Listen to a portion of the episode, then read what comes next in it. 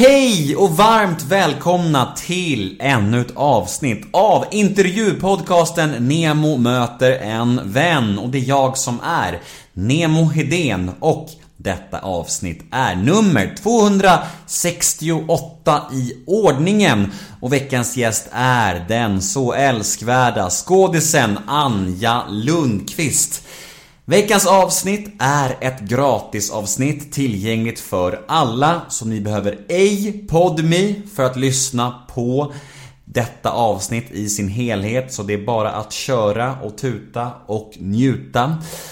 Anja Lundqvist då, hon är ju fan en jävligt duktig och härlig skådis.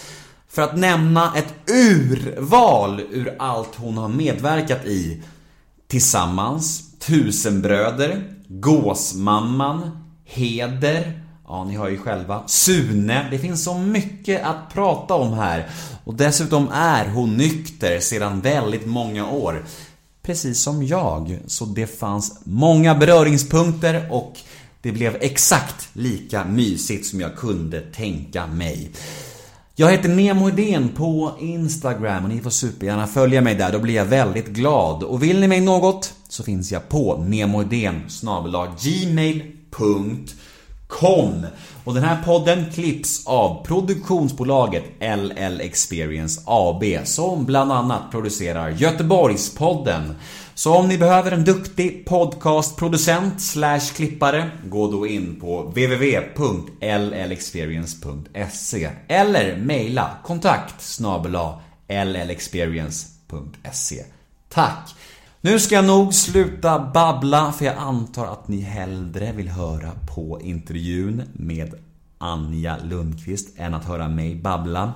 Nu kör vi igång det här tycker jag. Avsnitt nummer 268 av Nemo möter en vän. Plats på scen för Anja Lundqvist. Rulla gingen. Nemo är en kändis, den största som vi har. Nu ska han snacka med en kändis och göra någon glad. Ja! Nemo, ja det är Nemo. Nemo möter Nemo möter en vän med Anja Lundqvist. Mm, hej. Hej. Och du är redo. Du är försedd med kaffe och banan. Och banan, jag glömde äta frukost så att jag fick en banan här av dig. Det var Mm. väldigt, du hade förbarmande. Ja, hur var kaffet då? Jättegott. Ja, vad bra. Svart och gott. Ja men alltså jag fattar inte det där människor som liksom kan dricka svart nybryggt kaffe. Alltså jag bränner ju munnen av mig. Men den är inte så varmt. Det var ju inte alls varmt. Det är skillnad hemma hos mig. Där är det ju skitvarmt kaffet. Så jag får ställa ut på verandan innan jag dricker det. Men det här var ju jättegott. All heder åt dig att du kom ut till Hässelby. Tack. Ja. Spännande. Jag har Ja. inte varit här sedan 80-talet. Då jag hade en, en kille här faktiskt. Någonstans. Mm. Mm. Var det Hässelby gård eller strand? Eh, strand, tror jag. Ja, strand är lite bättre. Aha, okej. Ah, okej. Gård är ju det stökiga. Och just nu är vi mitt emellan i princip. Mm. Så det är så här, här går gränsen. Man kan känna att man går in i det stökiga på något sätt. Okej. Så det är lite speciellt. Du, eh, det var fan länge sedan jag var så övertygad om att jag skulle eh, få en härlig stund. Eh, Okej, jävlar. Nu Jag har förväntningar. till. Ja, men Okej. jag har förväntningar på dig och på oss. För jag tror Ah, att vi... Men det finns ju alltså, gemensamma nämnare. Ja, det och, finns det. Det gör det. Och sen så Mm. känner jag bara att, att liksom, jag tror att du är sympatisk. Mm. Så om du inte är det nu, då kommer du bara falla platt det här. Hjälp, jag är jätte... Ja, mm. Fint att ha dig här i alla fall. Jag är väldigt glad över det. Och jag undrar, hur mår Anja Lundqvist december 2019? Ehm, vad ska, ska jag vara jätteärlig nu? Mm. Jag mår bra. Men idag kände jag mig lite sorgsen. Men jag vet att det är för att när jag inte ser himlen, liksom, när, när det bara är det här locket som är nu, ett, ett sorts Hades liksom utomhus, helt grått. Då har jag väldigt, väldigt lätt att, att, att förlora perspektiven. Alltså att jag tappar perspektivet på att finns en sol där uppe, allt löser sig. Och så, det räcker med att solen lyser. Jag är så himla banal, faktiskt. Så att idag är det lite så här, hmm, eh, tror jag. Mm. Men generellt överlag då, just liksom den här vintern? Bra, tycker jag. Jag har ju jobbat extremt mycket de sista åren. Med liksom Alex, med Dragomir Mirzik. eh, Den serien nere i Göteborg. eh, och eh, Heder, som vi producerade själva på Viaplay. Och en annan serie som vi håller på med och ligger liksom mot greenlight nu. Och sen så Gåsmamman och miljarder ljudböcker. Men den här hösten nu så har jag bara haft ljudböcker och förberedande arbete inför liksom Heder 2. Så att jag känner att jag är väldigt, eh, på en väldigt bra plats. Jag får vila lite. Är det svårt att jobba med flera projekt parallellt? Jag tänker på manus och sånt. Eller är, är det sånt något man bara kan efter några år i branschen? Det är nog något man bara kan, tror jag. Det är som tråkigt när man är med i många serier samtidigt. Ett tag var det, det var Heder, Gåsmamman och Alex. Det var att jag har satt en heder i, heder, eh, tidigare att, att försöka förändra mitt utseende, ha peruk, byta hårfärg. Men det gick ju liksom inte. Jag var liksom eh, kingad för Gåsmamman så jag var tvungen att ha ljust, långt hår. Liksom. Så det tyckte jag var tråkigt. eh, Att inte kunna förändra mig utan bara måste se likadan ut. i- Jag var ju och såg eh, Jag kommer hem igen till jul. Just det. Häromdagen, ja. Peter Jöbacks film. Exakt, eh, som är väl, kan man säga, den är väl lite, lite baserad på hans liv, vad får man ändå säga. Alltså, Absolut. Ja. Det, det, säger, det är han ju jätteöppen med. Att det, Ja. det är egna erfarenheter och sen så har manusförfattarna gjort det till sitt liksom. Mm. Och jag tycker, alltså nu när du stod utanför min dörr, jag, tyck, jag tänkte så här. jag- tyckte du såg väldigt olik ut dig själv i den filmen mot vad du gör nu. Vad är det som är skillnad? Jag tror att där är ju den här...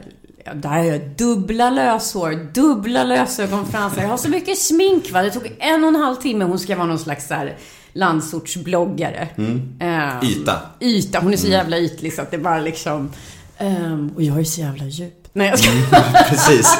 Nej, och, och jag tror att hon har mycket färgstarka kläder och alltså rött och liksom så lyser. Och jag har med alltid svarta kläder nästan och jag är ju inte någon bloggersketyp överhuvudtaget. Men jag var ganska överraskad när jag såg den här filmen. fördomarna. Ja. är ingen fara. Här haglar de fritt, det är okej. Skönt. Fritt spelrum. Nej men jag var ganska överraskad när jag såg den filmen för jag hade nog eh, förväntat mig någon slags Tomten är far till alla barnen-stuk. Ja, den är lite marknadsförd så ju. Ja. Eller hur? Alla roliga klipp som finns i filmen är i princip samlade i olika trailrar. Ja. Och sen så är det inte alls så när man kommer dit. Nej för trailern eh, viskar ju om det och man tänker så här, nu ska jag skratta, nu, Ja. nu är det lättsamt, nu och blir det ljusstämning liksom. Precis, så sitter man där sen eh, i biografen och så mår man ganska dåligt hela filmen egentligen. Ja. Och det säger jag inte som något negativt, för det är en film som verkligen berör. Och Mm. den är ju väldigt välgjord och det är en otroligt fin ensemble och jag var väldigt så här väldigt positivt, positivt överraskad efter filmen. Vad kul. Ja men verkligen. Och jag vill ändå säga till alla som lyssnar att det, det är inget lättsamt jultrams som jag trodde innan. Nej, precis. Nej. Är- Och jag tror den går väldigt bra ute i landet. Mm. Det är ju liksom en sån återvända till min hemby, hemstad-film som Mm. vi faktiskt är experter på i Sverige. Men det var ett tag sedan någon sån kom nu och ehm, Nej, jag tycker den är jättefin. Det är mycket musik också ju, vilket ju gör att man kommer åt känslorna väldigt lätt. Och sen är det... ehm, och man vet ju att Peter har varit med om någonting liknande. Som det här. Men det är ju väldigt eh, inte marknadsfört att det plötsligt handlar om en pedofil. Eller hur? Nej, nej, det, Nej. Det, det kommer som en blixt, från klar himmel. Ja, Mm. precis. Så att... ehm, ja. Jag är så kort här så jag måste liksom upp över mikrofonen för att se dig. Jag trodde du skulle vara mycket längre, det var därför jag Jag är höjde- jätteliten! jag höjde, jag höjde lite. 1,57! Är det så kort? Ja, jätteliten. Okej, ja, Ja. Det, är så, det är så ungefär som min eh, sambo då. Ja. Nej men, när man är med i en sån film med eh, ganska många alltså, legender, om man får säga så, Susanne Reuter, många så tungviktare. Mm. Kan det bli så att man blir lite pirrig av att spela med någon särskild skådis? Eller, Man blir pirrigt glad nu, Ja. för jag är liksom 40... Vad är jag? 48 eller 49. jag skulle komma till det, du har så pass mycket rutin. Ja, nu har jag det. Ja. Men hade det varit bara för tio år sedan Mm. så hade jag nog varit liksom... Jag spelade med Susanne har jag spelat med förut i en ungdomsserie som hette Guds tre flickor på SVT. Men, men, eh, men Loa och sådär... eh, ja, Jag hade nog blivit... Då hade jag nog blivit lite nervös. Mm. Men nu blir man pirrigt glad och stolt faktiskt. Att det, att det finns legendarer fortfarande. Mm. Alltså i det här 15 minutes of fame-samhället. Och att jag får möta dem. Mm. Faktiskt. Är du 47? Jag är 48 tror jag. 71. Ja. Du Vad är ser du? Vad är du? väldigt Vad är ung du? ut. Du ser väldigt ung Tack. Alltså, Men det är också en sån här grej när man är liten. Då blir man charmig och så Ja. tittar man upp där bakom någonting. Fast Som en liten jo, apa. kanske. Men jag tyck, tyckte nog du såg ung ut i den filmen. Förlåt, det här tar jag bort. Eh, Mm. Jag tyckte nog du såg ung ut i den filmen också. Eh, Men det är väl kul göra, Mm. tänker jag. Men hur gammal är du? 32 är jag. 32. Och Nemo, det, är det Kapten Nemos bibliotek eller? Ja, man kan tro det. Eh, det är ju, mina föräldrar hade bara väldigt livlig fantasi. Det är väldigt fint namn. Tack så mycket. Eh, Så att det är väl som att den äldre generationen, de refererar till Kapten Nemo. Ja. eh, Och den yngre generationen säger Hitta Nemo såklart. Ja, ja just det, såklart. Det, Ja. det har jag fått höra nästan varje dag nu i tio års tid. Mm. Mm. Så jag är lite trött på det. Men jag får, jag får, jag får bjussa på det. På. Du, är väl ändå född i Uppsala, stämmer det? Yes. Mm, 71. Ja. Mm. Vad, vad, vad var det för typ av födelse? Vad vet du om din födelse? När jag föddes? Ja, vet du någonting om liksom den, den alltså händelsen? Var Ja, det dramatiskt alltså jag eller var det... född på samma dag som min stora syster som är tre år äldre. All right. Men det var för att min mamma tjatade sig till kejsarsnitt, som inte var så vanligt då ju, alls. Men hon hade jobbat på neonatalavdelningen i Uppsala och var så jävla rädd för att vi skulle skadas när vi föddes eftersom hon hade sett så många eh, skadade barn. Så hon grät sig till det har hon berättat. Jag måste få kejsarsnitt. Och då fick hon det. Och, så att, eh, och så var det så här, skulle vi födas ungefär samtidigt. Min syster var född den 7 juni 68. Och så då 71 så, så eh, frågade de, eh, ja men då har de här datumen att välja på. Om då tar vi den 7 juni så får de samma födelsedag. Och sen så eh, vet jag att min mamma har berättat att hon inte blev riktigt ordentligt sövd. Utan hon kände ingen smärta men hon kände när de, att det öppnade sig. Och då, det var ju inte på den tiden, hon har ju ett ärr från naveln och neråt. Vet, hon har typ två magar. Skulle hon väl bli arg på mig om hon hörde det här. Förlåt mamma. Men, och, och, eh, för nu gör man ju någon här bikinisnitt. Ja, så att, ehm, och så hörde hon att jag skrek. Och sen, och hon var så lycklig för det, för hon hade ju inte haft någon vanlig förlossning. Och sen så somnade hon. Men sen vet jag som jag har tänkt på efteråt när folk säger att din första tid i livet betyder något. Var jag på den tiden, var du född med kejsarsnitt så låg du i kuvösen. Eller du låg i sån här, du låg på egen sal. Men det gjorde väl många barn i och för sig. Alla kanske. Och sen kördes man in till sin mamma efter ett tag. Så jag tror att det dröjde något dygn innan min mamma eh, såg mig. Eller innan någon ens tog i mig. Någon av mina föräldrar. Jag tror det var min pappa först som höll i mig. Ehm, ja, så det är vad jag vet. Har det varit någonting härligt eller någonting ohärligt att eh, dela födelsedag med sin syster? Härligt. Alltså vi var ju aldrig svartsjuka på varandra. Det var ju liksom som ett event när vi skulle fylla år. Sådär. Så att, ja, det tycker jag varit bra. Vad var det för liten tjej som föddes in i världen då? Beskriv dig själv som, som barn. Oerhört lycklig. Ehm, oerhört... ehm, fan, vad, fan vad irriterande att höra någon bara oerhört lycklig. Nej, det är Men när härligt jag tänker tänker jag. på mig själv, då tänker jag mig på våran HSB-gård.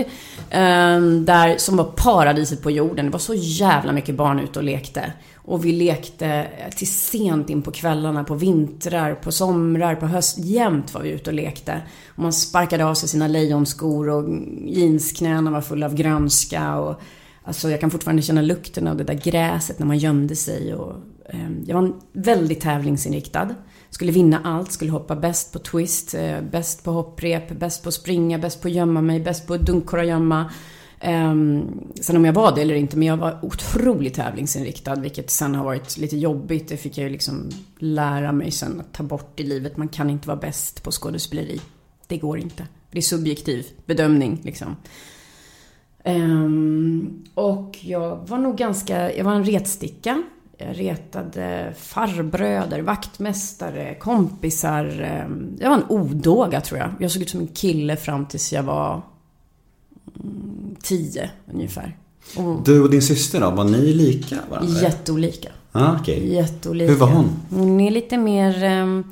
För det första är... Min pappa är svarthårig och jättemörk brunögd. Och mamma är jätte, jätteblond. Så pappa var ju blatte. Jävla blatte! När vi var små. Så sprang han efter folk och jagade ungar och sånt där som skrek. Ehm, han är från Norrland. Men... ehm, så min syrra är brunhårig och... eh, Aj, fan min fot. Och brunögd. Och jag är ju blond och grönögd.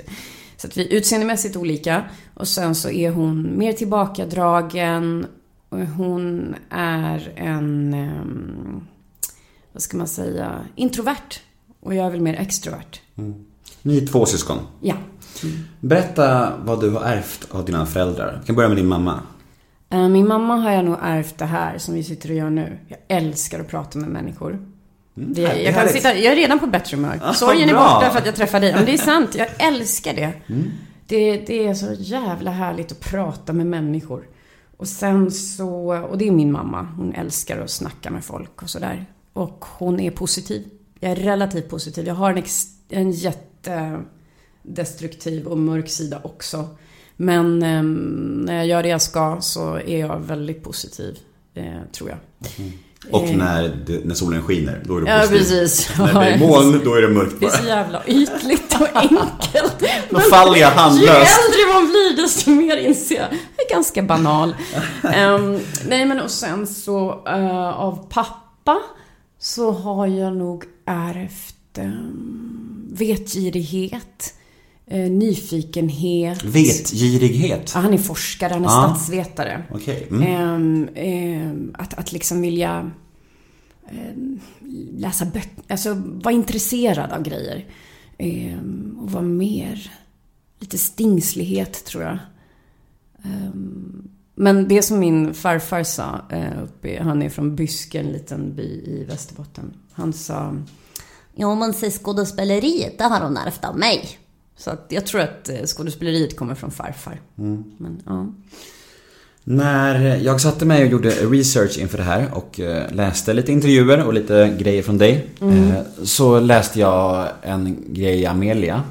Om en eh, relation som du, du har varit i som var ganska destruktiv. Och, och den, texten började med att det stod att du blev lämnad av din pappa när du var nio år. Ja, precis. Ja. Ja. Vad, alltså definiera lämna. Ja, men det är det jag säger att jag var så lycklig. Barndomen tänker jag så, den var väldigt lycklig. Även efter det också på ett sätt. Men lämnad, med lämnad menar jag att eh, det var en ganska clean skilsmässa. Det var faktiskt min mamma som ville skiljas. Så det var inte liksom så att min pappa är någon skurk. Så. Inte mamma heller. Men han, men han valde då sitt yrke. Verkligen. Och det har jag sagt efteråt. Jag är ledsen men yrket betydde mer då. Där han var. Där han var då. Ehm, för han är professor, liksom, du vet, han vill bara sitta med sitt. Liksom. Och ehm, han var en så otroligt närvarande pappa när vi bodde ihop. Han var alltid ute och lekte med oss barn. Han eh, gjorde... Ehm, skrev, berättade. Vi låg på hans armar. Han berättade skrönor från Västerbotten. Och Västerbotten är ju ett väldigt berättarlandskap. Apropå P.O. Enquist och det här. Och sen... Eh, eh, sen så bestämde han sig, nej men jag, jag okej vi ska skilja oss, jag flyttar till Gävle. Och där hittade han en ny familj och flyttade in i den familjen och tog hand om de barnen. Och vi kom dit i, i var tredje helg som det var på den tiden. Det här var 1980 liksom. Och sen, eh, det, sen flyttade de till Göteborg och... Nej men det blev mycket. Han satsade på det nya. Och glömde det gamla. Och sen har vi haft en, en jätteuppgörelse han och jag för typ tio år sedan. Då jag bara kände, men herregud! Apropå att ge upp alkoholen så, var, så sa min sponsor till mig, sa bara så här, du Anja, ge upp din pappa. Ge upp! Och det var så jävla skönt. Jag bara okej, okej jag ger upp. Och då kunde jag också göra, ha ett möte med honom som var oerhört konstruktivt för mig oerhört hämta hem liksom och säga min mening och tillåta honom att bara, nej men du behöver inte liksom tycka som jag, men det här är min upplevelse pappa. Det här är de skador jag har fått. Och om du inte vill ha någon skuld för det, fine. Men för mig är det så här. Det var en oerhörd befrielse. Så att idag, min pappa och jag träffas, jag tycker att han är en grym person liksom. Men vi är inte så nära. Det är vi inte. Fan vad det är intressant att höra det här. För att jag satt liksom med min, eh, min terapeut igår. Som är lite tolvstegsinriktad. Och, och han pratade mycket om det här med att kapitulera i liksom alla sina angelägenheter. I relationer, mm. gällande känslor. Liksom, och det är så långt ifrån att bara kapitulera gentemot missbruket. Ja. Det finns en så jävla stor frihet i att kapitulera inför andra människor och gamla relationer som ligger och skaver liksom. Det är ju något av det skönaste mest Ryan Reynolds here from Mint Mobile. With the price of just about everything going up during inflation, we thought we'd bring our prices down. So to help us, we brought in a reverse auctioneer, which is apparently a thing. Mint Mobile unlimited premium wireless. Ready to get 30, 30, bit to get 30, bit to get 20, 20, 20, bit to get 20, 20, bit to get 15, 15, 15, 15 just 15 bucks a month. So, Give it a try at mintmobile.com slash switch. $45 upfront for three months plus taxes and fees. Promo rate for new customers for limited time. Unlimited more than 40 gigabytes per month. Slows. Full terms at mintmobile.com. befriande som finns bara. Vet du vad, det, det är vad det är. Jag, jag lägger mig platt liksom. Du, du har ditt, jag har mitt. Men jag måste göra det här för min skull liksom. Ja. Det är häftigt och man önskar att fler kunde få känna på det. Och vi delar ju nykterheten du och jag och tolvstegsprogrammet förstår jag då. Eller hur? Eh, Men jag, och jag tänker mycket på att hela vårt samhälle är ju också uppbyggt kring vinnare. Du ska vinna, du ska kämpa till sista bloddroppen, du ska liksom... Eh, åh, du ska knappt kunna andas, du ska ta dig över mållinjen och ibland så ska man ju bara sätta sig ner vid vägens kant och ge upp. Det är det absolut det största vinsten, de absolut största vinsterna kan komma ur det. Att bara, nej men jag klarar inte det här. Det här är inte mitt lopp. Jag gav mig in i den här leken men jag tål inte den här leken. Jag måste kliva av. Men det är lite tabu ju. Att ge upp har en väldigt negativ klang. Men det, det kan ju vara, som du säger, när du säger kapitulation kanske är ett bättre ord. Om man ska ta till sig det. För det är verkligen så att, att det har nog en svag klang för vissa att ge upp. Men det är ju snarare en styrka liksom, att, kunna det. För det är då man kan gå vidare liksom. Att hänga kvar i någonting liksom, och bara ska få, eller förändra människor. Allt det där liksom, det är väl ingen styrka. Det är väl bara något som är jävligt, jävligt knäckande. Och bara destruktivt liksom. Sen tror jag att ge, ge upp och släppa taget, alla de här orden som man använder, kapitulera och det. Man måste ju liksom ha något att ge upp till och hamna i när man har gett upp. Det är väl det också som gör att har man, som jag till exempel, tävlat, sprungit, alltså nu menar jag rent liksom själsligt, eh, hela sitt liv fram tills man är 29 då som det var när jag blev nykter. Det är snart 20 år sedan, det är helt sjukt! Så, så liksom, eh, det tog ju flera år för jag var väldigt olycklig i början av min nykterhet måste jag säga. Det är väldigt svårt att hitta hem i det, i, i eh, det här 12-stegsprogrammet och det. Jag hade jättesvårt för det. Ehm, eh, så att, och det är mycket det som jag tror också blivit en sån styrka sen längre fram. Att jag vill aldrig tillbaka till början av min nykterhet. Fy fan vad jag inte vill dit. I den liksom kaoset och den förvirringen och den smärtan. Det vill jag inte tillbaka till alls. Nej men det är ju inte lätt i början. Nej. Så är det. Det är verkligen svårt och, och det blir som en skilsmässa ifrån sin bästa vän på något sätt. Även om det liksom är destruktivt så är det en destruktiv trygghet att vara kvar i det på något sätt. Och det är jävligt skumt. Eh, För jag var ju så här livrädd. Jag, var, jag tänkte så här. Festen får inte ta slut. Precis så De där- tänkte jag också. de där orden. Festen får inte ta slut. Jag är en festare! Ja, ja, och än, ändå var det så att sista liksom, åren satt jag bara mest ensam liksom. Med mina, mitt fall var det ju väldigt mycket droger och jag satt liksom ensam, ensam knarkade liksom. Och ändå var det så här, festen får inte ta slut liksom. Du vet, då har man, så, har man så skev bild av vad som är en fest. Ja. Man är så förljugen att man bara Ja. säger ja men när jag sitter ensam på en tisdag morgon och drar i mig linor så är det ändå min fest liksom. Du vet, det är så jävla skruvat. Och det är ju något man fattar först när man får lite distans till det. Men, men, men 20 år är ju helt, det är ju helt otroligt. Ja. Vilken grej. Ja. Trattis. Tack! Stort. Grattis till dig också. Ja, tack. Det var inte riktigt så lång tid. Men, men däremot så blev jag ju clean nästan samtidigt. Jag var 27. Så det är två år. Två Ja, år just det. innan dig. Ja, nej, det, det känns som att det kommer bli en del sådana här sidospår idag. Det är helt okej. Gud, och jag är sån. Det bara fladdrar iväg. Det är härligt. Det är ju det som är poddens styrka på något sätt. Att man kan liksom sväva iväg i någonting och man får det. Det finns tid, det finns liksom utrymme. Det är ju fantastiskt. Eh, Men för att återknuta till din pappa och er relation och din uppväxt. Ni hade någon slags eh, uppgörelse för några år sedan. Och efter det då, var det som att, bröt ni då? Eller var det som att ni så nu har vi rensat luften, nu kan vi köra på? Nej, vi bröt inte utan det, den, den gjorde jag för att jag skulle kunna fortsätta. Han är en jättehärlig morfar. Så att jag ville att mina barn skulle kunna träffa honom utan att jag skulle åka därifrån och gråta varenda gång. På grund av, att, på grund av vårt förflutna. Ehm, så att... ehm, nej, mer ett klargörande av, han är min pappa. Det går inte att inte älska sin pappa. För mig, eller det beror ju på, men för mig är det så. Och, men sen behöver man ju inte komma överens som personer om allt. Eller ha ett stort behov av varandra i vardagen. Det- Och det, att acceptera det. Att liksom, Det är nog det som har kommit ur det. Att han är min pappa, that's it.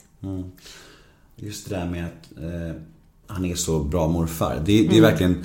Jag kan känna så här sorg när jag ser min pappa med min dotter. För att han är så himla fin med min dotter. Och jag kan önska så här. Varför var du inte så här med mig för? Varför var du så jävla väck och frånvarande? För han var ju aktiv i sitt missbruk då. Ah, okej. Han har varit clean i 15 år liksom. Men under hela min uppväxt var han aktiv i sitt missbruk. Så jag kan känna så här. Jag är glad för att han är jättefin mot min dotter. Men jag, vill, jag blir ledsen också för att, för att varför, varför, nu? Varför inte då liksom? Ja, men precis. De såren går ju aldrig att reparera liksom. Nej. De är kvar. Ja.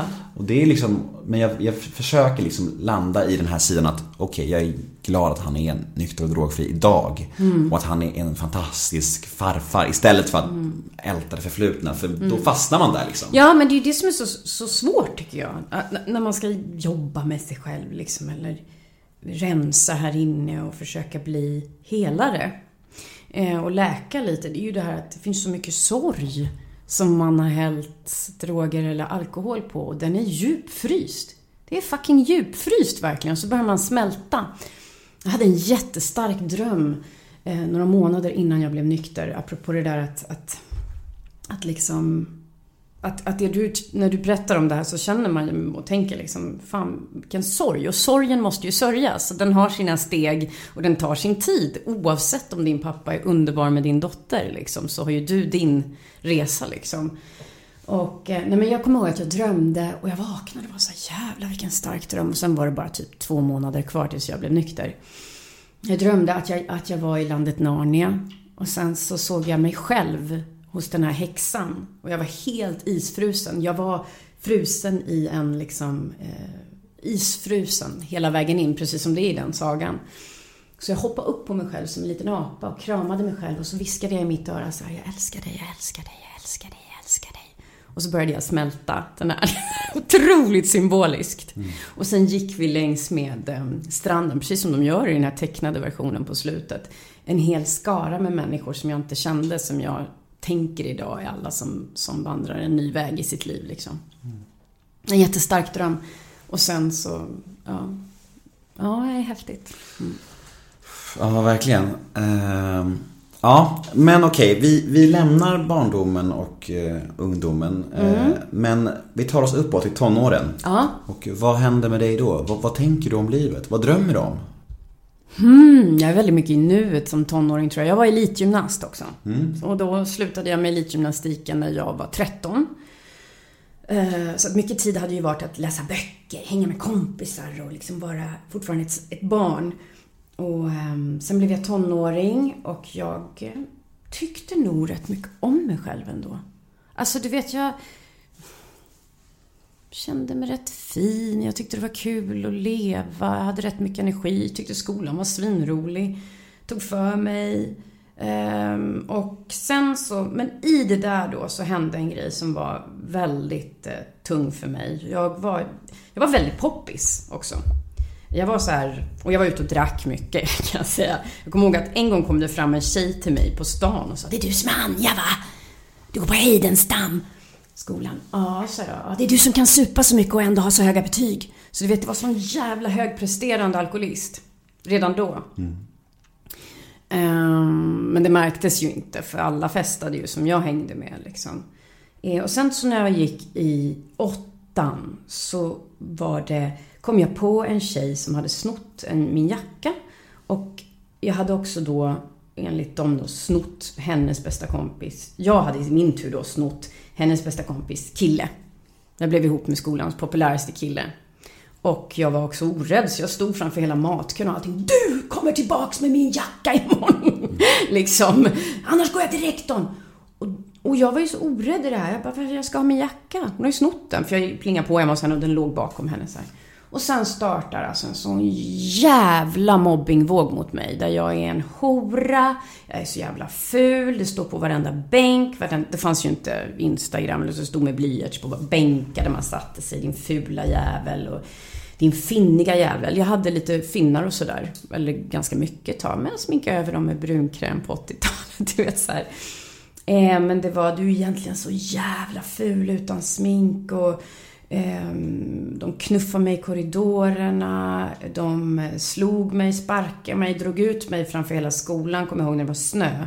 Och så mulade de mig så här och så lyfte de upp mitt huvud så här i nacken, med, i håret och så sa de Titta på henne hur jävla ful hon är utan smink. Um, och jag sa ingenting till någon. Alltså jag, jag, sa ingenting hemma. Jag gick in på toaletten och grät för de skulle fan inte få se mig gråta. Och samtidigt så kom det här som en chock för mig. Alltså att man kunde bli så, i och med att ingen fick prata med mig. Jag kommer ihåg en, en tjej som kom fram och bara, ja jag tycker ju om dig men jag får inte prata med dig för då säger de att samma sak kommer hända mig. Så de här tjejerna hade en enorm makt. Men till slut en gång så följde de efter mig upp i en korridor, kommer jag ihåg. Och så, vad heter det, mm, började de sparka på mig. Och så, då bröt jag ihop och skrev Vad fan har jag gjort? Det? Och bara grät. Och då kom min klassföreståndare Lasse och såg det här. Och sen så hade han ett snack med alla oss. Och då säger den ena tjejen, jag ville bara se dig gråta. För jag stod, satt ju och storgrät. Jag hade inte, grå, jag hade inte brutit ihop. Jag hade hållit ihop liksom i fyra månader. Ehm, och jag vill se dig gråta för du har det så jävla bra hemma. Din mamma är så snygg. Det var en orsak, orsak då till att... och, och ni har det så bra. Min mamma var mycket sådär... Ehm, hon var en sån som verkligen tog hand om andra barn. Det var en tjej, kommer jag ihåg, som hade flytt från Chile med sin familj. Hon hade en liten ryggsäck uppe i ett skåp som min mamma lät henne ha där. För hon skulle, om hon ville rymma hemifrån en dag, för hon var ganska olycklig i sitt hem då. Um, och mamma tog liksom hand om henne utan att göra, utan att lägga sig i liksom, så kunde man komma till henne. Och, och din mamma solar solarium. Det var också en orsak till att de ville slå mig. du vet. Men grejen var att den här tjejens pappa slog ju henne hemma och sånt där. Jag visste ju det. Så att, eh, men då slutade det faktiskt. Men jag tror att jag fick en enorm knäck och jag hade väldiga problem med mitt utseende länge. Att jag egentligen var ful. Att jag egentligen såg ut som en kille. Och det kan jag fortfarande få en släng av idag. Att jag egentligen är jätte, jätte, jätteful. Mm. Alltså, sådär. Var det här högstadiet? Ja, det här var högstadiet. Ja. Så sen så när jag började gymnasiet så började jag på ekonomisk linje, färgade håret lila, tog hål i näsan, tog hål i 20 hål i örat typ och gjorde total revolt mot mitt gamla jag. Och eh, sen, ja men du vet, då var det mycket dricka och lite droger och sen ehm, och jobbade på Ungdomens hus där som konsert, tog emot artister och sånt där. Och sen hittade jag teatern. Och ehm, ja, började teaterlinjen och, jag blev helt passionerat, galet kär i skådespeleri. Mm. Mm. Var du en talang direkt? Eller var det någonting du liksom övade dig till? Någon slags gåva? Nej, jag tror nog att jag var ganska talangfull på en gång. Jag tyckte själv att jag var bra. Gud förbjude i Sverige. Nej, men jag tyckte verkligen det. Jag tyckte, jag älskade det. Och jag var inte rädd. Um, vilket jag sen blev faktiskt när jag uh, blev nykter så blev jag rätt rädd ett tag för, för, att stå på scen och så. För jag menar, jag hade inte druckit innan. Jag drack inte på morgnarna liksom. Uh, men uh, jag var ju bakfull ofta när jag repade så att jag hittade lätt fram till känslor sådär. Och sen att jag um, hela ens person är ju förknippad med den livsstilen. Att jag lättar på trycket senare. Mm. Jag lättar på trycket sen. Så jag, eh, nu vågar jag allt. Så då blev jag, sen fick jag en backlash på den där oräddheten. Men jag tror att jag, jag gillar det här. Jag har alltid älskat det. Sen är det ju svårt ibland om man inte är bra i allt. Inte alls. I alla roller menar jag. Det, det är ju Mm. Men känner man det själv? Eller jag menar, när du gör en roll och, och, och, efteråt, kan du känna så här, fan det där gjorde jag riktigt bra? Eller, ja men kontra till exempel, det där, det där blev inte alls bra. Oftast är det ju ett samarbete med en jävligt bra regissör och eh, fotograf och eh, om man nu tar film eller TV. Eh, och ett jätte, jättebra manus. Det är som att bara glida in i det. Man bara glider in liksom i en annan eh, person om alla de parametrarna stämmer. Men det är ju inte så ofta. Framförallt är det inte så ofta som man har ett riktigt bra manus. Så att... Ehm, ja, ibland känner man det direkt. Men man vet ju aldrig i film och TV. Det är någon annan som ska ta hand om det och klippa ihop det och liksom... Och ibland så klipper de ihop det och räddar saker som man har gjort som är mindre bra. Men då är det oftast ganska många saker också som gör att det är mindre bra. Mm. Inte bara man själv. Det är verkligen ett grupparbete. Och det handlar jättemycket om hur pass välskrivna rollerna är. Och relationerna. Jag tänker ehm, en roll som jag tyckte var fantastisk att göra det är um, kommer jag faktiskt inte riktigt ihåg vad hon hette. Men i den här senaste Gardell-serien, De dagarna blommorna blommar. Jag kände mig som en helt annan människa um, i den. Det är en liten tant liksom med röd peruk som... Hon har... Och när jag skulle eftersynka kom dit så bara... Då pratar ju hon så här. Jag måste lägga min röst här uppe någonstans. Och det var ju ett halvår senare. Jag bara, oj vad fuck kom dit så här. Läste massa ljudböcker dagen innan och var liksom här nere och bara, ja nej nej nej. Alltså att eh, en del får en helt annan röst. Eh, bara på grund av att det är välskrivet. Det är bara att glida in där. Ja. Du, eh, när jag la upp ditt namn på min Mm, Instagram och frågade folket Ja. vad de ville veta om. Mm. Jag brukar göra det ibland och då får man en ganska tydlig bild av vilka roller och, och serier och filmer som har liksom fäst bland Mm. folket. Eh, Så vi ska prata om tre av dem nu. Mm. Vi ska börja prata om eh, en film som jag tror var din första filmroll. Och Mm. det känns som att den filmen också är någon, en film som många skådisar som idag är ganska stora Mm. Hade sin debut i. Jag vet, vi var, vi var debutanter allihopa Ja, tillsammans. ja. Tänker du på? Lukas Moodyssons film. Ja. Ja. Vilken grej! För, Ja. för om man kollar liksom rolllistan där så är det ju liksom Varenda en har ju liksom bra karriärer idag. Mm, Men innan tillsammans hade nästan inte någon någonting. typ. Nej, nej, vi var ganska färska. från- Det var mitt eh, första jobb efter scenskolan. Mm. Och det var Ola Rapace första jobb, tror jag, efter scenskolan. Andra jobb kanske, eller första. Och det var... Vilka var vi med? Micke Nyqvist. Micke Nyqvist var typ hans genom, stor, folkliga genombrott. Han hade haft lite filmroller innan, men det var hans folkliga genombrott liksom. Och um, Jessica Lidberg och Cecilia Frode var väl lite känd. Hon var väl den som var mest känd innan, tror jag. Väldigt- Shanti Rooney Ja. också. Ja. Väldigt många i alla fall som fick sitt liksom Mm, break där. Eh, Kan inte du berätta lite om, om den inspelningen? För det är ju liksom, ja, det är ju vilken jävla klassiker och vilken fantastisk film. Alltså Mm. jag, jag har ju sett den säkert tio gånger och den är ju så jävla bra. Your boobs are on the internet, kommer jag ihåg att min gamla, min gamla eh, teaterlärare Matthew sa efter att han hade sett den där. Hur kändes det då? Ehm, det var internet var ju så jävla, det var inte jättenytt men det var nytt ändå. Jag hade ingen mobil kommer jag ihåg. Jag och Lukas Moodysson var så här, vi vägrade mobil. Så jag kommer ihåg att jag köpte min första mobil precis efter det där för det var ohållbart. Alla hade mobil liksom. Ehm, men jag eh, gjorde en slutproduktion på Teaterhögskolan tillsammans med Annika Hallin, en skådespelerska som har världens vackraste röst. Och eh, Tobias Hjelm. Och sen var det Felix, en annan kille som inte gick i vår klass, som var med i den. Den hette Been So Long och, och var en pjäs från London som handlade om några liksom, människors spillror på en bar. Jag spelade en tjej med borderline och, och en alkoholiserad tjej med borderline. Det var en fantastisk uppsättning som Christian Tomner regisserade och vi fick alla jättebra jobb efter det. Ehm, och då kom Imor Herman som var så här, äh, han hade mm, castat um, fucking Åmål. Liksom. Alla ville liksom att han skulle se en. Det var ju mycket mindre allting då. Det fanns ju inte liksom att någon hamnade i Hollywood. Det var Lena Olin typ, där på City. Man hade inte de drömmarna liksom. Som, som man kan ha idag, tänker jag, när man går ut scenskolan. För att det är realistiskt idag. Det var inte realistiskt när jag gick ut scenskolan. Eh, och... Ehm, eh, och det var fortfarande ganska liten community. Och det gjordes fortfarande ganska mycket film och inte så mycket TV. Serier. Eh, Det var mest såpor då. Och det ville man inte vara med i, kommer jag ihåg. Eh, och... Eh, nej men så kom han och tittade och så fick jag provfilma för Lukas Moodysson. Och jag hade sett premiären av fucking Åmål. För jag var ihop med Emil Forselius. En skådespelare. Som inte lever längre, men han, han tog med mig på den premiären. För jag, det var ju när jag gick scenskolan, jag var inte känd och han var känd liksom. Så att... ehm, Fan vad jag känner igen det nam- namnet mycket alltså. Emil Forssell, han var med i Tic Tac. Han tog livet av sig. Ehm, Det är också en briljant film tycker jag. ja, den var jättebra. Jätte, jättebra.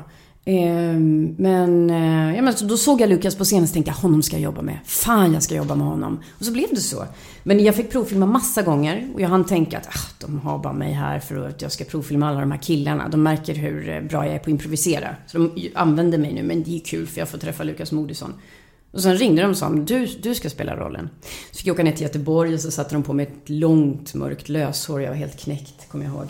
1,57 och så hår ner till hälarna typ. och, ja, men sen så mm, kom ensemblen ihop och jag kommer ihåg vi åkte ner till Trollhättan med Lukas och hela Memphis film som var så himla liksom det puttrade där då. Och ehm, eh, fick komma till det här huset och tanken var då först att vi skulle bott där under hela inspelningen men det gick inte av logistiska skäl så vi bodde på ett hotell i närheten och det var fantastiskt. Carl-Johan De Geer hade ju gjort scenografin. Och i varje låda fanns det grejer. Varenda element var målat gult eller lila eller liksom varenda detalj var eh, fantastisk. Och jag kommer ihåg att han tittade på mig. Du ser ut som Marie-Louise Marie när hon, De Geer, när hon var ung liksom. Och... Nej, det var så jädra häftigt. Och vi rakade inte oss under armarna eller på benen, även om det inte syns överallt i filmen. Så, och inga bhar. Alltså vi verkligen var i den tiden. Mm. Och det var otroligt roligt. Hur var det att eh, bli regisserad av en sån som Lukas då? Lukas är så all over the place, så på något sätt har han redan satt ribban i att du får vara vem du vill. För han är det.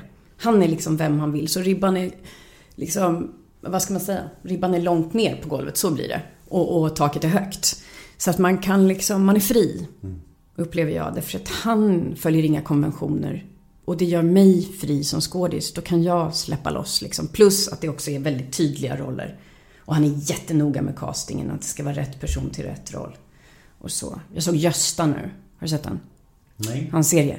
Och Mattias Silvell där som jag spelade med på, på 90-talet också. Det, den finns bara på HBO, eller vad är det? Nej? Ja, det är HBO. Ja, precis. Och där är ju han, han är så, och jag har väntat på hans break liksom. För han är en fantastisk skådis med mycket speciellt utseende. Han ser ut som Iggy Pop liksom. Mm. Täljduren stubbe typ. och han är så jävla bra där. Han är så bra så att det liksom, åh, jag blir tokig. Men jag tror att vi lider av i Sverige. Och det gör inte Lukas. Han lider inte av det.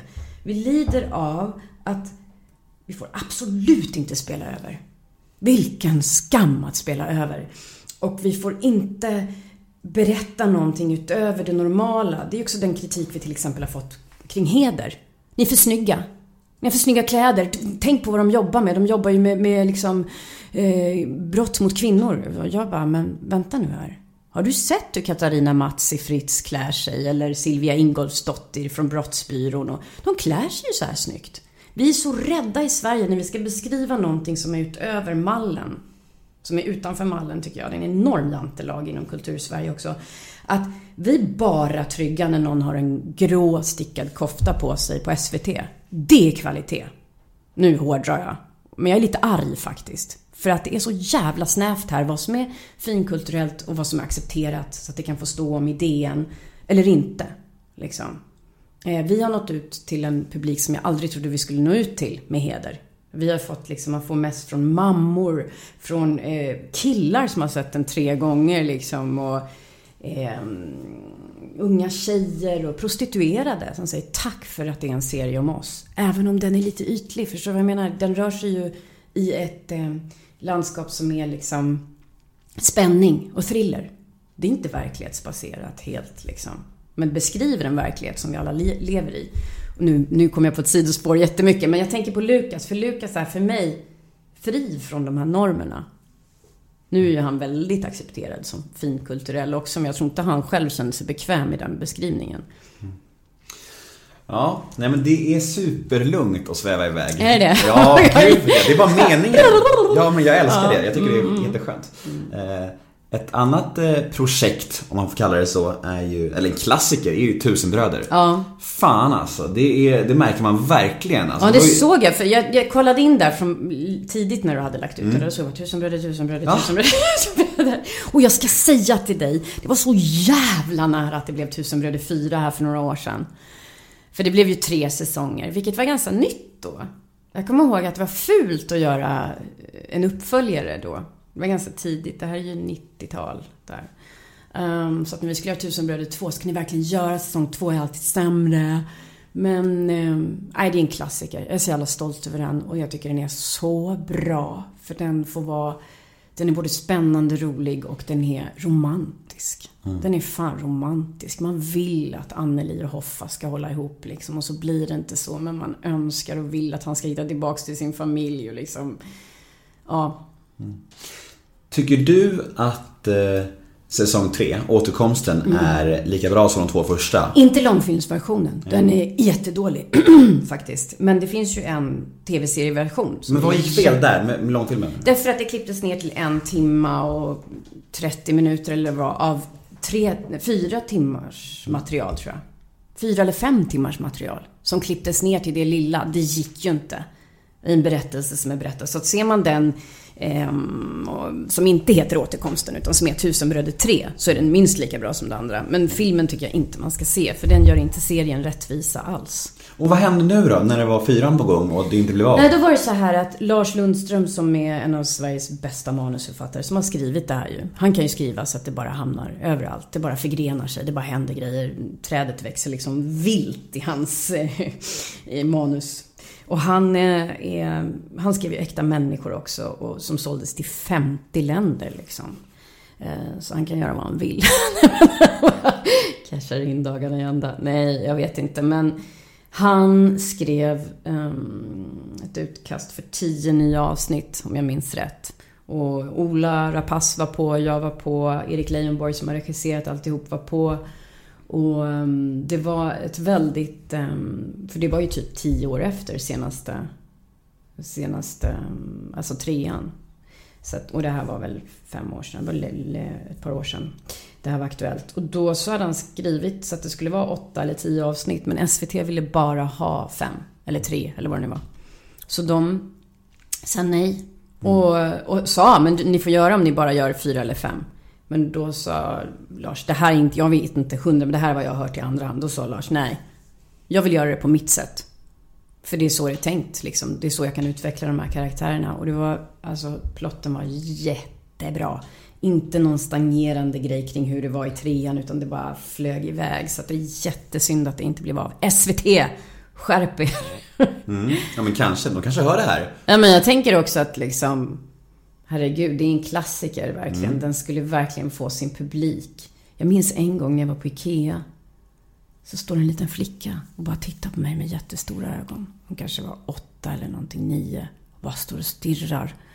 Och det här var ju långt innan Sune-filmerna. Ehm, Och sen så kom jag till någon annan avdelning och står hon och stirrar igen. Det börjar bli så obehagligt. Och då kommer pappan fram. Hej, får hon hälsa på dig? Hon har sett alla tusenbröder. Och jag bara, VA? Den är ju våldsam liksom. Ja, hon älskade tusenbröder. Den här lilla tjejen hade sett allt. Det är då du börjar kritisera hans föräldraskap. Ja, precis. Jag bara, Vad fan eh, tänker du där? Hur tänkte du där? Men nu är jag själv förälder liksom, så nu vet jag hur lätt det är att låta åtminstone tvåan, Mm. barn nummer två, titta på allt. Som barn nummer ett aldrig skulle fått se. För att, men kolla på den där filmen ihop då. Gör det. Ja, eh, den nästa grej vi ska prata lite om är ju faktiskt Gåsmamman. Som, Ja, eh, som är ganska aktuell får man ändå säga. Ja, det är den. har precis eh, visats. eh, Ja. Den har ju också fått en jävla publik. Superhypat. Vad, tror du, vad tror du fäster där hos folket? Varför blir den så stort? Lite kanske samma anledning som Tusenbröder.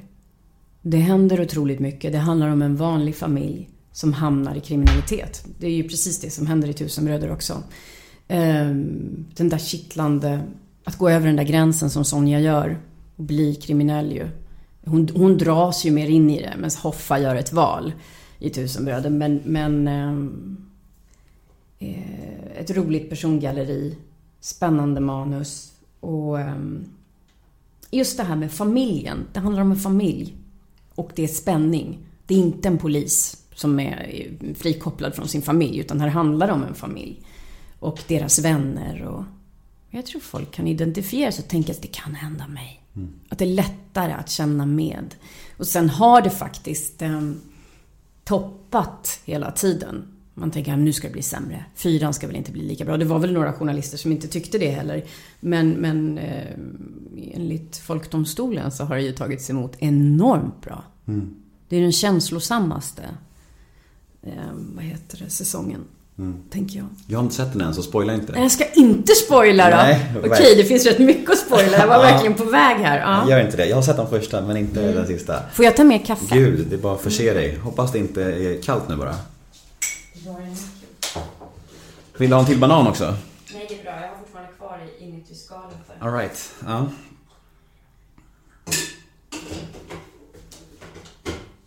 Hade det funkat med ytterligare en säsong av, av Gåsmamma? Ja, Ja. absolut. Det kan ske. Ja, ja. Oh ja, det kan ske. Mm. Med, med, det kan nog verkligen ske. Sa hon med lurig blick. Ja, verkligen. Det är bra, det är en liten teaser till alla fansen där ute. Mm, blir de glada. mm.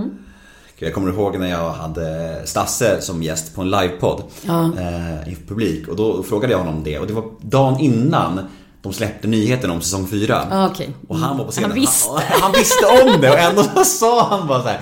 "Nej, Jag vet inte, jag tror inte det. Och så dagen efter han bara, släpptes. Jag, jag bara messade honom, fy fan för dig. Ja. Kunde du inte bjussa på det?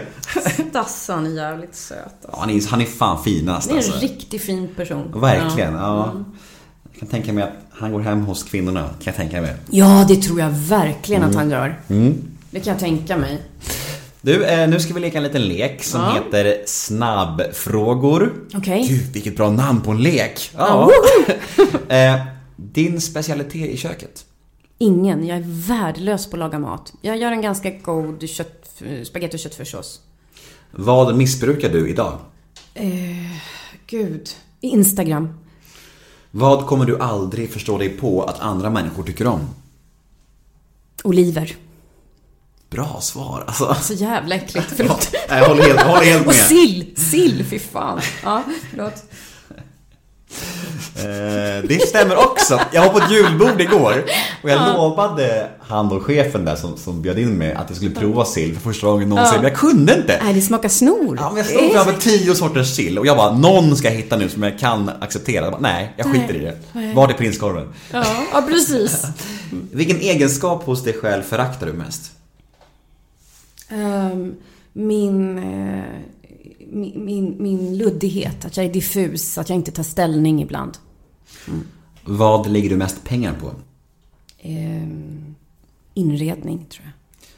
Vad tror du andra tänker på när de tänker på dig? Den där lilla charmiga. Mm. Bra. Tycker du skötte snabbfrågorna utmärkt. Mm. Nu ska vi snacka om någonting som, eh, som vi har snuddat vid lite grann. Men, men vi har det gemensamt ju. Ja. Att vi lever nyktert. Ja. Idag sen, du sen nästan 20 år. Jag sen lite mer än 4 år. Eh, Kan du peka ut någon, eh, någon specifik vändpunkt? Där för dig där det kändes såhär, nu får det vara nog. Att du verkligen nådde till ditt botten. Eller, eller är det mer så- Ja, det, och den var ganska... Den var ytligare än jag trodde, själva bottenpunkten. Men det hade skett mycket, mycket hemskare saker innan. Men just lilla sista insikten kanske vi ska kalla det. Ehm, Jag...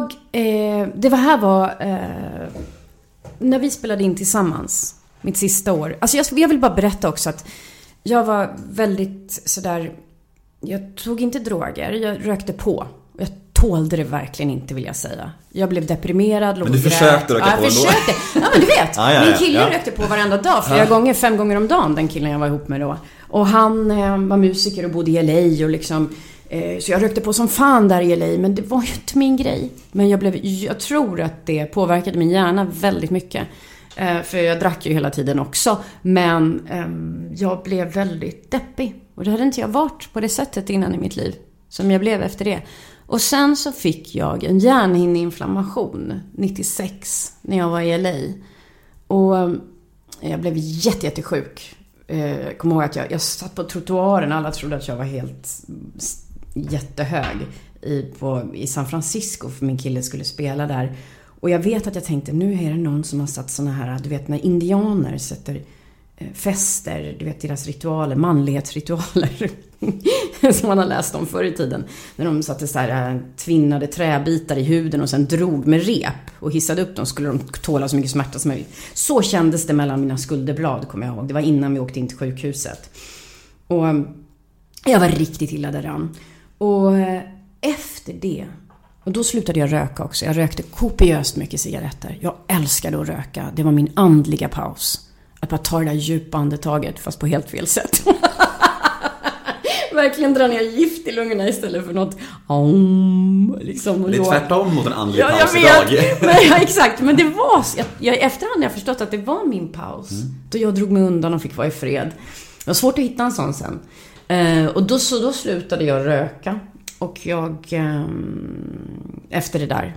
För att jag eh, fick någon slags uppenbarelse faktiskt. Att jag rökte ju typ 30-35 cigg om dagen. Jag var tokig i det. Och jag var så, ill, så sjuk då så att jag kände att nej. Och då så, när jag kom hem, då gick jag typ trean på scenskolan tror jag. Jag var så sjuk. Och jag var, gick ut och drack och jag blev så jävla galen. Det här är ganska vanligt har jag läst om sen. Hjärnhinneinflammationer, slag mot huvudet, eh, hjärnskakningar kan utlösa en annan typ av reaktioner när man dricker sen. Man skadar sin hjärna, den blir känsligare. Och man... Eh, jag blev våldsam, jag tappade minnet, jag blev otroligt utagerande. Klättrade mellan balkonger, åtta våningar upp. Jag, jag, visst, jag hade haft minnesluckor förut, men nu fick jag minnesluckor jämt. Jämt liksom. Så när jag åkte ner och gjorde Tillsammans i Trollhättan, då tänkte jag det här måste få ett slut. För då hade jag kommit, eh, på, när jag gjorde min praktik, innan jag gick ut, så hade jag kommit med blåtiror, jag svimmade på scenen en gång. För att jag var så bakfull. Eh, och så vidare. Så jag, jag förstod, jag är tjej, det här kan inte fortsätta. Jag var plufsig, jag hade ett enormt matmissbruk också. Som nog upptog mina tankar mer än alkoholen. Mat upptog mina tankar. Det var en mental besatthet, eh, så vidrig, verkligen. Eh, och jag, eh, så jag var oerhört plufsig. Jag eh, var fåfäng och kände inte igen mig själv längre liksom. Och eh, vad ska jag säga? Jo, så bestämde jag, nu jävlar när jag åker ner och gör tillsammans ska jag vara nykter. Så att man kan säga att mellan olika scener, sen är ju inte scenerna filmade i kronologisk ordning tillsammans, men så skiljer det kanske fyra kilo på mig, för jag hade ju inga verktyg. Så när jag försökte att inte dricka, eller inte gå ut med de andra på kvällarna, så stod jag vid fikabordet och proppade i mig godis och mat och mackor och liksom du vet bara för att stilla ångesten, för jag hade sån jävla ångest.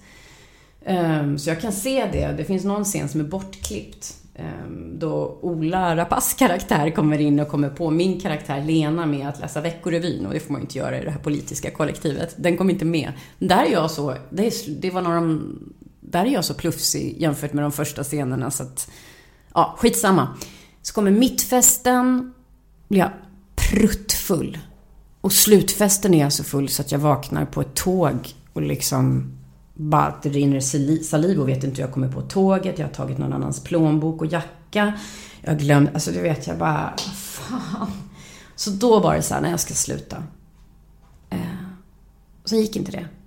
Jag kunde inte. Alltså jag hade ju försökt flera gånger. Så här, du vet. Hitta min gamla dagbok också. Varje gång innan jag går ut så ska jag yoga. Och dricka mjölk. Nej men du vet, allt det här som jag höll på med. Så till slut, så jag mår så jävla dåligt, så hamnar jag på psykakuten. Och eh, jag är bakfull när jag kommer dit. Jag ringer på natten. Och, och varför... Jag kommer inte ihåg varför jag ringde. Jag ringde dem. Jag hade aldrig bett någon om hjälp. Någonsin i hela mitt liv om någonting. Jag ville bara tävla i allt och vara bäst och sen skulle ingen fråga någonting. Låt mig vara i fred liksom. Låt mig bara vinna. Det var typ så. Hade det kommit till, om man säger så. Ehm, jag hade inga relationer med några killar. Jag hade inte liksom... Nej, det hade verkligen... Jag hade mina vänner. Men det var ju vänner som tyckte om att dricka. Eller var medberoende. Gud, du är så jävla häftig när du dricker. Du är så jävla... Du vågar allt. Du är liksom så jävla cool. Jag vill vara som du. Och jag bara, ja, ja, mer, mer, mer. Istället för liksom, oj, det här är inte bra för mig. Det här är, en möjliggörare. Um, och så, Uh, vad ska jag säga? Vad var jag nu? Ehm, det är så många led. Eh, Ja, jag kunde i alla fall inte. Den här våren då började jag förstå att det här går inte längre. Det var våren, vad blir det då? 20? 100? Ja, år 2000. På våren. Eh, och ehm, så jag hamnar på psykakuten och han säger till mig så här, ja, du... ehm, tredje gången, nej. Och så fick jag, komma, fick jag ett antal besök som jag skulle få komma dit. Jag skämdes enormt över att jag gick dit. Men jag skulle få en terapeut som jag skulle träffa ett par gånger. Och så kom jag, tredje gången jag kom till honom så var jag, andra gången var jag nykter. Tredje gången var jag nästan full fortfarande för jag hade varit ute hela natten. Och då sa han så här, du Anja det är tredje gången du är här. Och det är andra gången du luktar alkohol. Varpå jag, som var ganska konflikträdd, liksom, eller i alla fall för auktoriteter, reser mig upp och bara skriker Jag är ingen jävla alkoholistjävel! Och så sätter jag mig och bara skakar. För jag var inte beredd på att jag själv skulle säga det. Och då säger han till mig, nej det har jag inte sagt heller. Det Head over to Hulu this March, where our new shows and movies will keep you streaming all month long. Catch the award winning movie Poor Things, starring Emma Stone, Mark Ruffalo, and Willem Dafoe. Check out the new documentary, Freaknik The Wildest Party Never Told, about the iconic Atlanta Street Party. And don't miss FX's Shogun, a reimagining of the epic tale, starring Anna Sawai. So, what are you waiting for? Go stream something new on Hulu. Det är du själv som tar det ordet i din mun. Jag sa bara att du har luktat. Ja. Och, och sen så um, frågade han mig, vad vill du ha i ditt liv då? Vad, vad, vad längtar du efter? Vad vill du ha? Jag vill ha det och det och det och det och det och det. Då kommer jag må bra. För han frågade vad jag skulle må bra av. Vet du vad som slår mig Anja? Säger han. Han var så jävla bra. Han var så fin. Ehm, du nämner inte kärlek. Och då reser jag mig upp och så skriker jag igen. Jag behöver ingen jävla kärlek! Skriker jag. För det bara ställer till det och bla bla bla. Så går jag därifrån och jag är så skakig för han har ju någonstans... Du vet det där fönstret som kan vara öppet. Alkoholism och, och drogberoende är ju liksom förnekelsens sjukdom. Man förnekar, man förnekar. Alla ni som själva har det problemet, lyssnar på det här eller har anhöriga, ni vet ju. Nej men det är inga problem. Nej, nej, nej, det var bara då, men nu är det bättre. Det funkar nästa gång. Fast det funkar ju inte liksom. Man lurar sig själv för att kunna fortsätta. Ehm, så ehm, jag gick ut därifrån. Jag vet inte hur jag kom in på det där. Fönstret. Fönstret var öppet, just det. Han kom in i mitt hjärta. Han kom in i mig innanför min förnekelse. Och liksom, BAM! Jag luktar. Liksom. Eh, bara en sån grej. Liksom att någon säger, jag ser dig. Jag ser vad du håller på med. Eh, det var ju några andra som hade sagt det, men de hade ju bett fara och flyga tid, tidigare i mitt liv liksom. Och då så eh, går jag ut i sol, jag är bakis, jag är svettig, jag går på Hornsgatan, ska hem till min lilla etta i Hornstull. det här är ju 20 år sedan, det är snart. Och eh, så möter jag en tjej som jag alltid har tänkt så här, vi hängde lite för några år sedan då. då. Och jag hade alltid tyckt hon var lite ofräsch, varför kom hon inte loss? Hon var så begåvad på så mycket och ändå kom hon liksom inte loss. Varför gjorde hon inget av sitt liv? Tyckte jag. Ehm, men vi hade inte umgåtts på flera år. Jag visste att hon, vi, hon gillade också att festa, vi hade festat ihop. Ehm, och så kommer hon emot mig, strålande fräsch. Strålande vacker. Jag minns att jag tyckte att det var som ett ljus omkring henne. Och hon kommer fram och så säger hon, eh, frågar hur är det? Säger jag så här. Ungefär vid, ehm, eh, vid Zinkens damm ungefär. Var vi. Eh, och så sa, sa hon, jo men jag mår jättebra. Hur är det med dig Anja? Jag vet inte, jag har precis varit... Jag vet inte, alltså jag dricker inte för mycket. Det är inte så att jag dricker för mycket, men när jag dricker så blir jag jättekonstig. Fast eh, inte alltid, men... Och då bara la hon en hand på min axel och så sa hon, men Anja, du kanske har samma sjukdom som jag. Du kanske är alkoholist. Och det var också liksom... Fönstret var öppet, hon nådde in i mig liksom. Det bara pang i hjärtat. Bara någon timme efter att han hade sagt sådär till mig. Och um, så sa hon att hon hade varit nykter ett år, tror jag. Via A. Hon gav mig sitt nummer, men jag ringde aldrig. Det jag fortsatte. I tre månader till, tror jag. Och sen så var det någon, någon eh, kväll jag hamnade på Tre Remmare. Jävla skitbar nere vid Fastän det gick så bra med allt ju liksom. Det var tillsammans. Jag visste att jag skulle börja med, jag hade fått den här tusenbröderrollen som skulle börja i augusti. Det här var juni och sen var det midsommar var det. Och jag skulle ut på midsommarfirare, missade båten. Eh, någon jättesnäll kille sa att jag vill inte att du ringer mig för... Varför då? Ja, det vet du. Prova att ringa när du är nykter, sa han. Och då var jag då jag tänkte jag måste ringa A. Precis när han sa den lilla futtiga grejen bara. Prova ring mig när du är nykter. Och jag insåg att jag kommer aldrig våga. Jag har kommit dit att jag liksom, jag vågar ingenting. Och jag var, alltså, grejen var ju att jag kunde vakna med liksom telefonsvarare som blinkade rött. Ing, det var ju sådana här hemma telefonsvarare som bara Du din jävel, du sa det här till mig igår. Och man bara, vänta, vadå? Vad sa jag? Jag minns ingenting. Jag hade verkligen bara minnesluckor till slut. Så att, ja. Så var det. Då gick jag till A. Jätterädd. Min kompis följde med mig. Jag var så rädd. Jag vet precis vad jag hade på mig. Jag hade på mig en rosa sari. Hade jag. Och ett linne med så röda stjärnor på. 90-talskläder verkligen. Ehm, ja.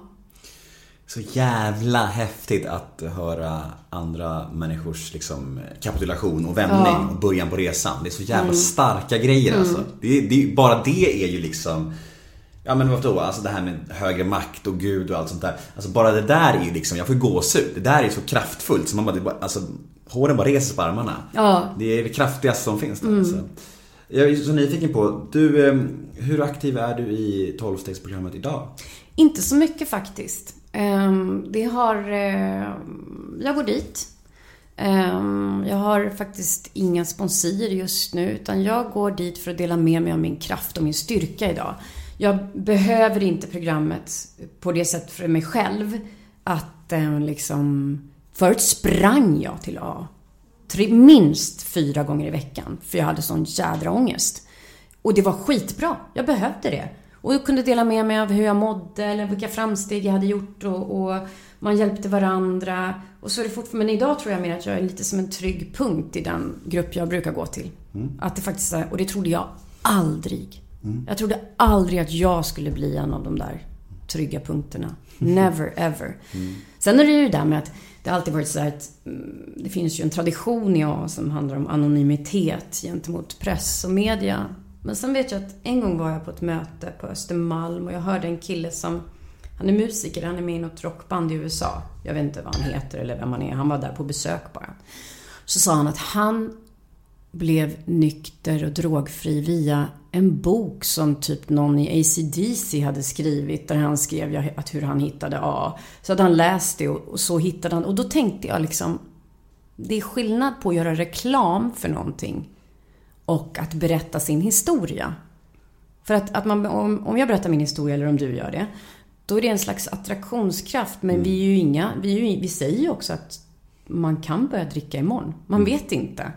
Um, sen är jag ganska säker på att ingen av oss kommer göra det imorgon, men, men det är ju en sjukdom. Ehm, Och jag tror att den här, alltså även om man inte behöver kalla det reklam så tror jag att det är jätteviktigt att folk som finns i offentligheten eller skriver böcker eller alltså att, att, att ändå pratar om vad som har funkat för dem. Ja, För avdramatisera kan- det. Ja. För liksom det är ju en folksjukdom. Ja. Den påverkar ju hela Sverige. Och man vill också Sveriges ekonomi.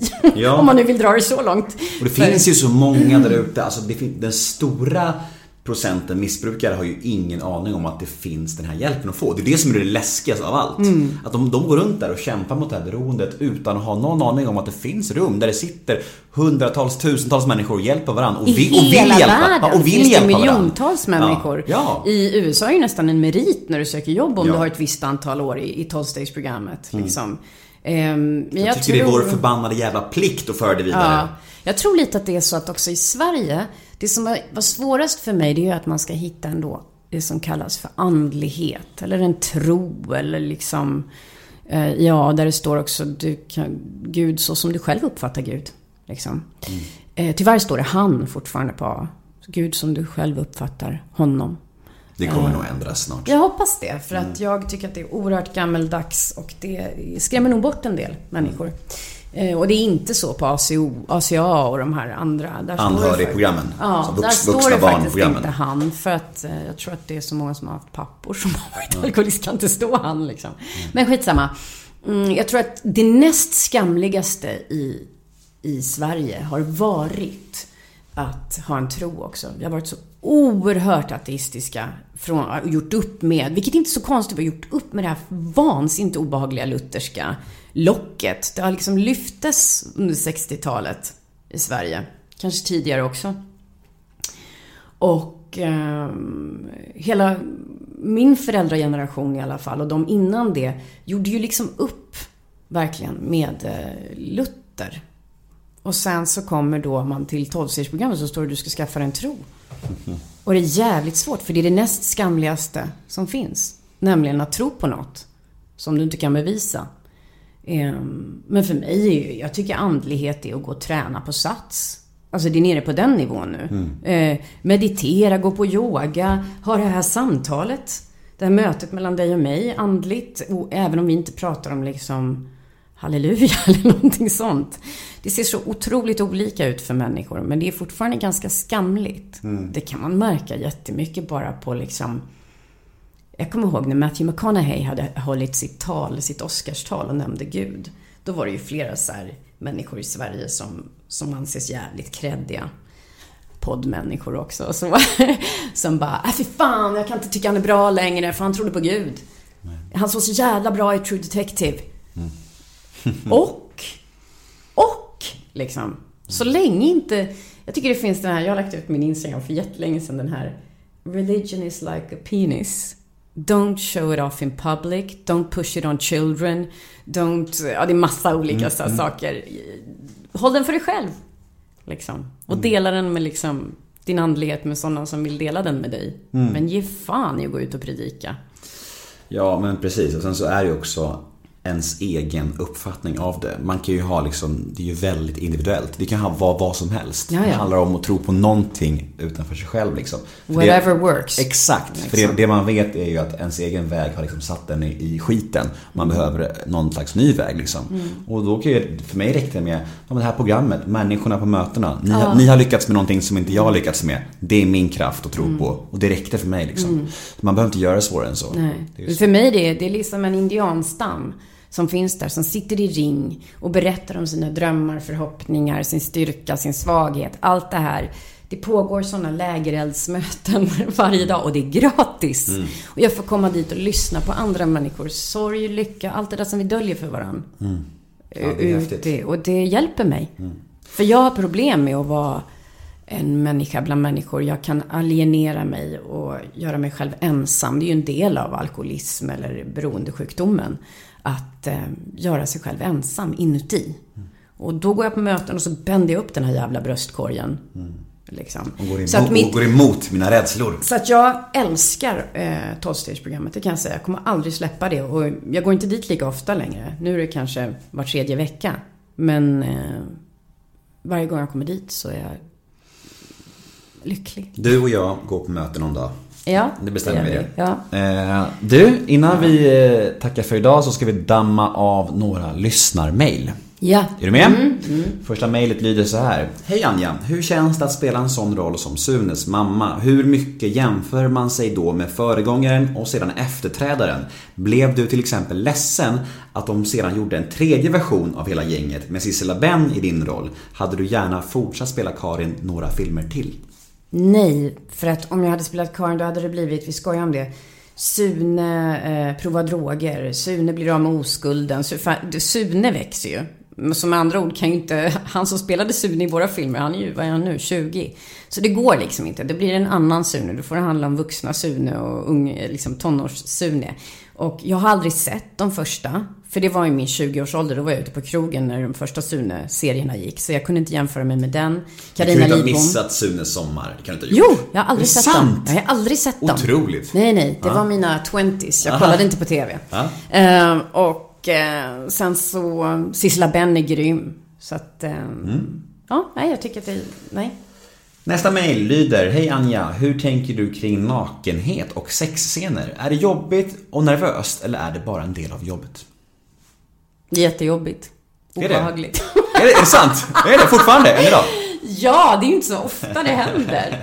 Och liksom, eh, ja, det är, det är jobbigt. Men eh, det beror ju också på vilka som är med. Alla är så himla blyga för det. Alla tycker det är jobbigt. Så det är bara att köra på. Alltså under, under... Jag har aldrig varit med om i ett sånt sammanhang någonting obehagligt. Jag har varit med om alltså mycket metoo-grejs eh, i övrigt men inte liksom just med eh, i sexscener. Har varit väldigt mm, ordentligt städat och organiserat om man säger så. Nästa mejl lyder Din polare Julia Duvenius är ju med i Stjärnorna på slottet i år. Ja. Har, har du fått frågan Är det din tur nästa gång? Vill du? Nej, jag har inte fått frågan och jag skulle nog behöva ta mig en rejäl funderare. Ja, okej. Mail nummer fyra. Hur var det att spela så olika roller med Morgan Alling, Gåsmamman kontra Sune-filmerna? Kul. Jag är glad. Kul! Nej, men jag är faktiskt väldigt glad att jag får spela både jätteallvarligt, typ ta Gardell. Eller, eh, vad kan man säga, Alex med Dragomir. Vi ju verkligen liksom diskbänksrealism. Och sen få göra julfilmen till exempel, eller eh, Sune. Att, att få liksom svinga mellan de där. Att jag får göra både komedi och allvar och någonting mitt emellan också. Jag är glad att jag är där i mitt yrke. Att jag har den förmånen. Hur är det att eh, bevittna Dragomir med sin son in action? Är de fina ihop när de spelar eller? Galet fina ihop. Ja. Alltså den kärleken är så stark. Jag tror att... ehm, ja, det är så jävla fint att se dem ihop. Och jag måste säga att Max då... Vi hade några scener i ettan, Max och jag och Gago, när han ska... Alltså han grät. Alltså, han kunde gråta på beställning. Det bara spruta om ungen. alltså, ja, och det finns en enorm ehm, ömhet. En ömhet som de vågar visa mot varandra som inte är så vanligt tycker jag i, i tänker man när man tänker på en sån tuffing som Gago. Nästa mail lyder. Du har ju tidigare öppnat upp dig om eh, psykisk misshandel i relationer. Jag har två frågor om det. Ett, Hur kan man låta det gå så långt? Två, Vad kan man göra för att inte hamna där igen? Eh, för att inte hamna där igen tar jag först då, det är ju att erkänna vad som var ens egen del i det. Nämligen att jag inte, vad kan jag göra någonting åt? Jo, det är att jag, jag, jag hade så många röda varningsblinkers så många gånger. Ehm, och ehm, att jag valde att inte berätta. Skammen. Att jag var tyst om vad som hände mig. Eh, Men det är ju också ett resultat av den psykiska misshandeln som jag var mest utsatt för då. Att han trasade sönder mitt självförtroende fullständigt. Jag hade inget. Eh, Jag hade inget, ingen självkänsla, inget självförtroende kvar. Verkligen. Jag var scattered, eller vad säger man? Jag var i bitar. Hela mitt inre var i bitar. Jag kunde inte samla ihop mig själv. Ehm, men sen när jag bröt tystnaden och berättade för folk och de gav mig kraft liksom. Så det är väl det. Jag har aldrig hamnat i en sån relation igen. Det hände en gång och det var fruktansvärt. Mm. Mm. Åtta. Mail nummer åtta lyder. Hej Anja, vad hände med din och Julias podcast? Rann ut i sanden. men- För vi lyckades inte, som kanske du då, vi lyckades inte. Vi var liksom två skådisar som bara, vad ska vi göra? Vi måste berätta något som vi vill berätta om. Och så, började, jag, så sa jag till Julia så här, vet du vad en podcast är? För det här var ju väldigt tidigt i podd, poddvärlden. Eh, hon bara, nej. Jag bara, men det finns några som heter Alex och Sigga. Lyssna på dem, då hade de typ gjort 18 avsnitt eller något tror jag. Ja, och så lyssnade hon på det och sa, men det här kan vi göra. Så eh, då gjorde vi det 120 avsnitt. Eh, och min, min eh, förra man, han klippte troget varje avsnitt åt oss, Theo. Och det var otroligt roligt. Vi hade några sponsorer men vi fick inte in pengarna. Vi var heller inte... Det var våra första trevande steg i något slags medialandskap. Som vi absolut inte tillhör ju. Och det var väldigt, lite skrämmande och lite... Eh, Vi var inte så drivna i och förstod inte hur vi skulle tjäna pengar på det. Så det, till slut så var det ju så att det tog så enormt mycket, för det vet ju du, det tar ju liksom tid. Eh, Och eh, vi tjänade inte ett öre på det. Så det blev väl så att orken tog slut. Men det var otroligt givande, jätteroligt. Jag förstår att du håller på med det här. Även om din podcast är en intervjupodcast så jag fattar verkligen. Ja, det är kul. Det är världens roligaste jobb skulle jag säga. Ja. Eh, Mail nummer nio. Fina Anja. Kan du inte berätta lite om din relation till Ola Rapace? Är ni polare? Han känns inte helt lätt. Hur var det att jobba med honom i flera säsonger av Tusenbröder? Ehm, det var ju så länge sedan. Jag har ingen kontakt alls med Ola och har inte haft sen vi slutade i, sen vi gjorde Tusenbröder. Vi har stött ihop någon gång på Stadsteatern när vi jobbade där och det är alltid så här ett kärt möte. Men jag vet ingenting om Ola idag. Och jag har inte, vi har inte stött på varandra. Varken i jobbet eller på stan. Så att eh, jag vet inte Nej. hur det är med Ola idag. Ja. Det är man ju nyfiken på. Så är det. Eh, sista mejlet då. Och sista frågan för idag. Lyder så här. Om man vill gå på dejt med dig, hur gör man då? Ja, då ligger man risigt till för jag har en kille. Har du det? Ja, men om, man, om jag inte hade det, om man skulle vilja gå på dejt med mig, då skulle jag föreslå att man kom fram och pratade med mig. Mm. Jag tycker aldrig det är någon som kommer fram och snackar med mig. Men ja, mm. Men, men eh, hur länge har ni varit ihop? vi har varit ihop ett år. Aha. Är du kär? Ja, Glad? det är jag. Ja, Fint. Fint att höra. Eh, du, vi är klara för idag. härligt. Mm. Tack för att jag fick komma hit. Ja, det var my pleasure. Hur, hur känns det? Det känns bra. Mm. Sen undrar man alltid, vad fan sa jag? Jag har en jävla svada, det bara rinner ur mig. Allt möjligt. Nej, jag tycker, jag tycker du var bra. Ja. Mm, jag tycker det var en bra blandning också mellan olika projekt och lite allvar och lite skratt och så här. Det är en bra blandning. Bra. Stort tack, Anja Lundqvist. Tack så mycket Nemo. Hej då! Hej då!